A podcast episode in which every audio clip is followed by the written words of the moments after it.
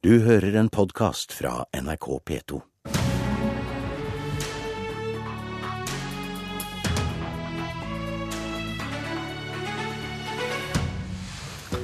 Hvorfor kutta regjeringa anslagene for asylankomster midt i verste flyktningkrisa? Er det et problem når nye kompetansekrav i skolen plutselig skal gjelde for alle lærere? Og snart får vi vite hvordan det nye rød-grønne styret blir i hovedstaden. Du får vite litt om alt dette i Politisk kvarter. Midt i verste flyktningkrisa i Europa kutta regjeringa anslagene for hvor mange asylsøkere som ville komme, skriver Aftenposten i dag. Dermed kunne justisminister Anders Anundsen redusere budsjettet til UDI. På den siste budsjettkonferansen 26.8 eh, reduserte regjeringa anslaget for asylankomster med 1000 personer sammenlignet med i fjor. Statssekretær Gøran Kalmyr i Justisdepartementet for Frp, velkommen hit. Takk for det. Var det ikke rimelig åpenbart på dette tidspunktet sent i august at asyltallene kom til å gå opp? Jo, det var rimelig åpenbart. Eh, og Nettopp derfor så har regjeringa sagt det at man må komme tilbake til Stortinget med tilleggsnummer for å håndtere flyktningøkninga. Eh, og Grunnen til det er fordi at man så jo i slutten av august at det kom til å bli mange flere enn det man hadde lagt til grunn når budsjettet og Eh, de grunnleggende prosessene i budsjettet var gjort faktisk allerede før sommeren. Så det er jo ikke slik at man lager budsjett basert på de siste få ukestallene. Budsjettarbeid er et arbeid som starta allerede når året starta. Det er tunge prosesser der Stortinget skal få riktig informasjon. Og med riktig informasjon så betyr det at etatene skal gjøre grundige vurderinger av både logistikk av ansatte, logistikk av mottaksplasser.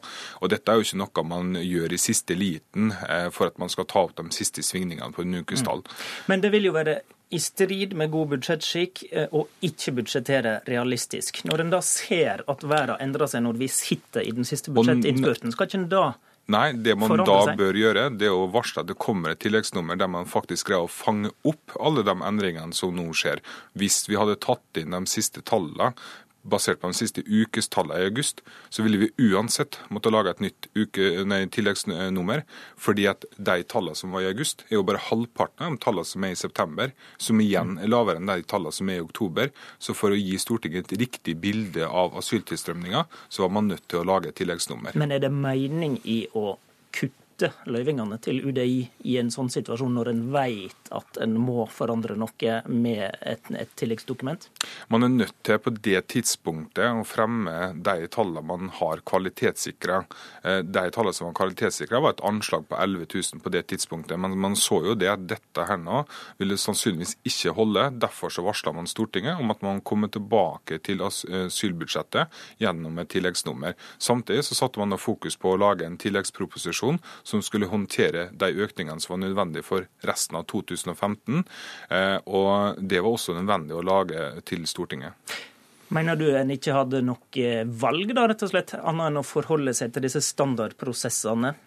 Jeg tror det er For å sikre at Stortinget får riktig informasjon, så er man nødt til å, gjøre det på en, uh, nødt til å fremme budsjettet på en kvalitetssikra måte. Uh, og Da kan man ikke sitte her nå og se på ukestallet de siste dagene før man skal legge de siste steinene i budsjettet, og, og bare snu opp ned på alt. Uh, og uten å få en ordentlig prosess med etatene, bare fremme et eller annet budsjettforslag for at også Aftenposten skal forstå det. Så det dere gjorde var en mer fornuftig budsjett praksis enn å skulle eh, øke UD i budsjettet når en så at flyktningkrisa smalt? Ja, fordi at budsjettet for asyltilstrømninga er fortsatt ikke fremme. Det kommer i tilleggsnummeret. Dette er varsla til Stortinget. Og vi har faktisk ikke hørt noen i Stortinget som har reagert på det. Det er kun Aftenposten som nok har litt misforstått litt. Takk for at du kom hit, statssekretær Gøran Kallmyr. Bare hyggelig.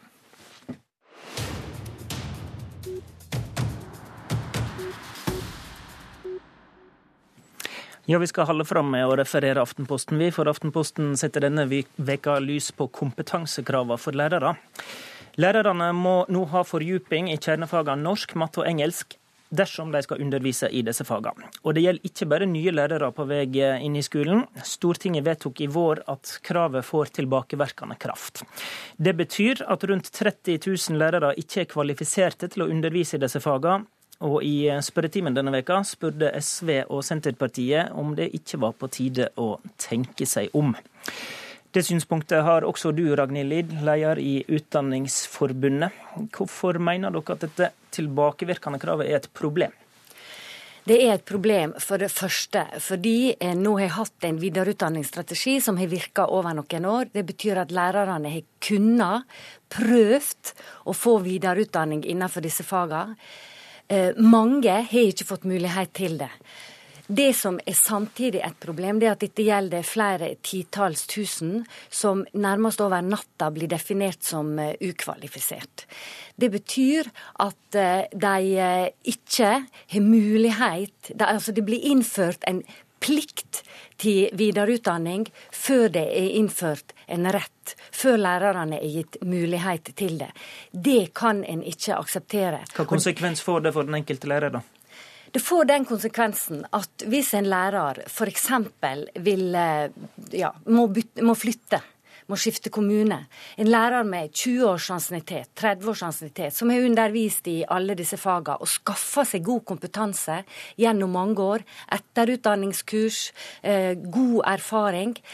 Det som han risikerer, og vi allerede har sett eksempel på, det er at han ikke får en jobb i stedet for det så tilsetter kommuner en som ikke er kvalifisert lærer i det hele tatt, i midlertidig stilling.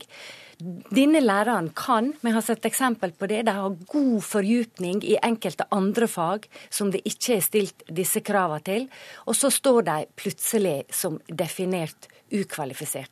Dette her må en sette seg ned og se på.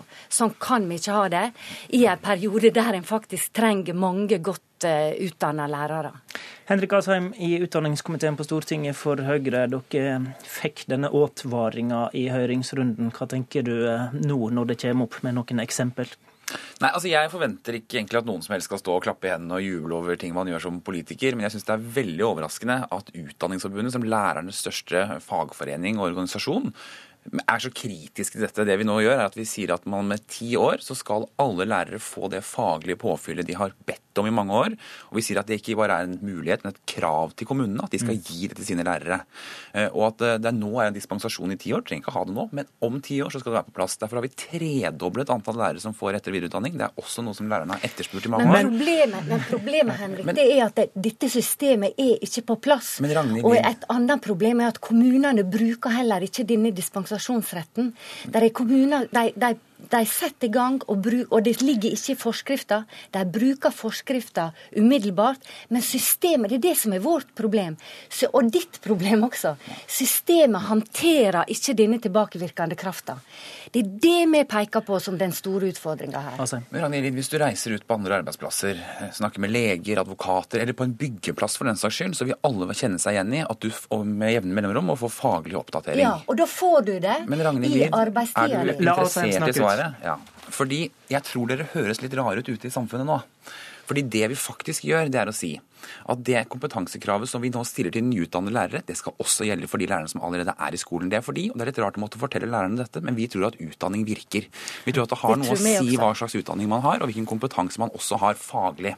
Og Derfor så sier vi at det er et krav Dette er ikke et krav til lærerne, det er et krav til kommunene om at de skal gi det til lærerne i en tiårsperiode. Men altså, er det men... fornuft i å, uh, i å, stille et krav til at en lærer skal videre viderekvalifisere seg, men, men så definere definere den som ukvalifisert eh, når en da ikke får det av kommunen sin? Nei, altså, Det vi sier er at for å undervise innen ti år, så skal du ha fordypning i eh, fellesfagene, altså norsk, matte, engelsk. Eh, Men dere har ikke sagt at dette skal gjelde om ti år? Jo, vi Nei. sier at det er en dispensasjon for kommunene i ti år fremover. Så gjelder ikke den lenger. og Det betyr at det er en beskjed til kommunene om at nå må de komme i gang og gi lærerne det de har bedt om lenge, nemlig det kompetanseløftet. Og så er det sånn at Når vi bruker tre ganger så mye på etter- og videreutdanning, hva er det vi egentlig bruker pengene på? Vi tar regninga for kommunene i langt større grad enn før. Fordi kommunene sa vi har ikke råd, dyttet det foran seg. OK, sa vi. Da tar staten regninga, da. Men, men, men så får dere det kompetansekravet. Nå, nå, nå, vil jeg. Ragnhild er ikke Takk skal du ha. Burde ikke lærerne heller bruke dette her som et kjempepressmiddel da, overfor sine arbeidsgivere til å få den videreutdanninga. Det, det er jo en drømmesituasjon. Ja, og det er mange lærere som har gjort det gjennom disse åra videreutdanningsstrategien har eksistert. Og så får de nei fra kommunen, og de også har fått nei fra skoleledelsen. Det handler om praktiske utfordringer for kommunen, men også en holdning som jeg skal være enig med deg i, som altfor mange kommuner har hatt, om at ikke dette er viktig. Vi mener det er viktig. Men nettopp derfor så er det så viktig at en innfører dette på en, på en, måte som gjør at det er mulig å få det til. Og dessverre så er det sånn at sånne ting tar tid. Der er heller ikke kapasitet i universitet- og høgskolesektoren til å nå ta alle disse lærerne som trenger det, eh, og som må ha det, ifølge forskrifta. Der er heller ikke vikarer som kan steppe inn for disse lærerne når de skal ha det. Det som også er viktig, det er å anerkjenne den kompetansen de har, disse lærerne som har jobba i mange år. Jeg har et eksempel på én lærer. Vi, vi skal avslutte her nå med ja. der vi starta. Asheim, er det aktuelt å tenke seg om en gang til her? Ikke akkurat nå, for jeg tror det er veldig viktig at vi står tydelig på dette kravet overfor kommunene. at det skal være på plass. Og så bare si helt til slutt, Det viktigste med dette er at det er elevene skal møte faglig oppdaterte lærere. Når du sender barna dine på skolen, skal du vite at læreren som står bak kateteret, har fordypning i de fellesfagene de skal undervise i. Vi er helt enige at de skal møte kvalifiserte lærere. Takk til dere to. Vi gir oss der. Det er nå bare ni av de 428 kommunene i landet der de politiske forhandlingene eh, ikke enda er helt avklart. Eh, og den kommunen som flest venter på, hovedstaden, blir avklart i dag eller i løpet av helga. De tre siste ukene har Arbeiderpartiet, MDG og SV sittet i byrådsforhandlinger på Østmarksetra. Det er venta at forhandlerne går med resultatet til partiene sine i dag, og at eh, vi da får vite litt om hva som eh, ligger i avtalene. Magnus Takvam, politisk kommentator hos oss. Blir det nå et Oslo-byråd av disse tre rød-grønne partiene? Ja, Det regner jeg med som helt sikkert, selv om ingen vil uh, offisielt bekrefte det til oss. Man er veldig opptatt av i innspurten nå uh, å ikke røpe noen detaljer, slik at det blir media på en måte som setter dagsorden for den forankringsprosessen som skal skje i de tre partiene etter hvert. Ja, hva skjer eh, konkret i dag og i helga?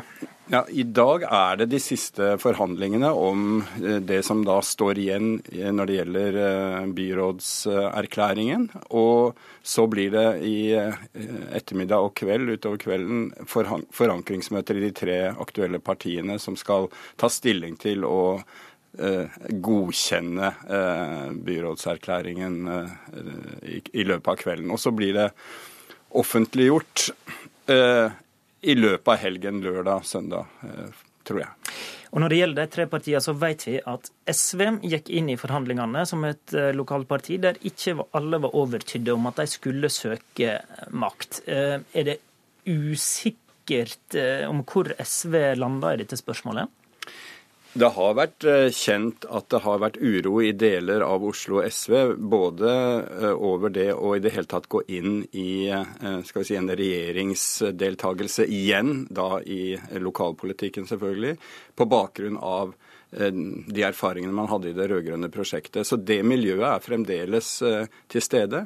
Men ingen regner med at de vil kunne skal vi si, velte eh, SVs deltakelse. Det ville være en veldig krevende politisk situasjon for SV å være utenfor et Arbeiderparti-ledet byråd i konkurranse med bl.a. partiet Rødt og også for så vidt partiet Venstre om sin politikk. Hva vet vi om hva for noen tema som har vært vanskelige i forhandlingene?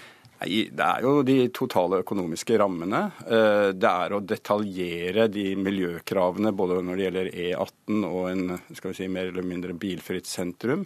Særlig skolepolitikk har vært krevende. Hvor langt skal man gå i å reversere testregimet i Oslo-skolen? Skal man få eh, gratis halvdagsplass for aktivitetsskolen, som SV har som et veldig viktig krav, og som koster mye penger? Det er eh, tunge og, og vanskelige temaer. Hva slags posisjon får Rødt? Rødt eh, får en samarbeidsavtale med, med, de tre byrådspartiene, fordi de trenger deres støtte bl.a. i budsjettvedtak osv. Du får følge med på NRK utover sendingene i dag, og um, også gjennom helga, for å få det siste om hvordan hovedstaden kommer til å bli styrt. Vil du høre eh, Alltid eh, Politisk kvarter i reprise, kan du lytte til NRK Alltid nyheter klokka 10.40. I studio i dag var Håvard Grønli.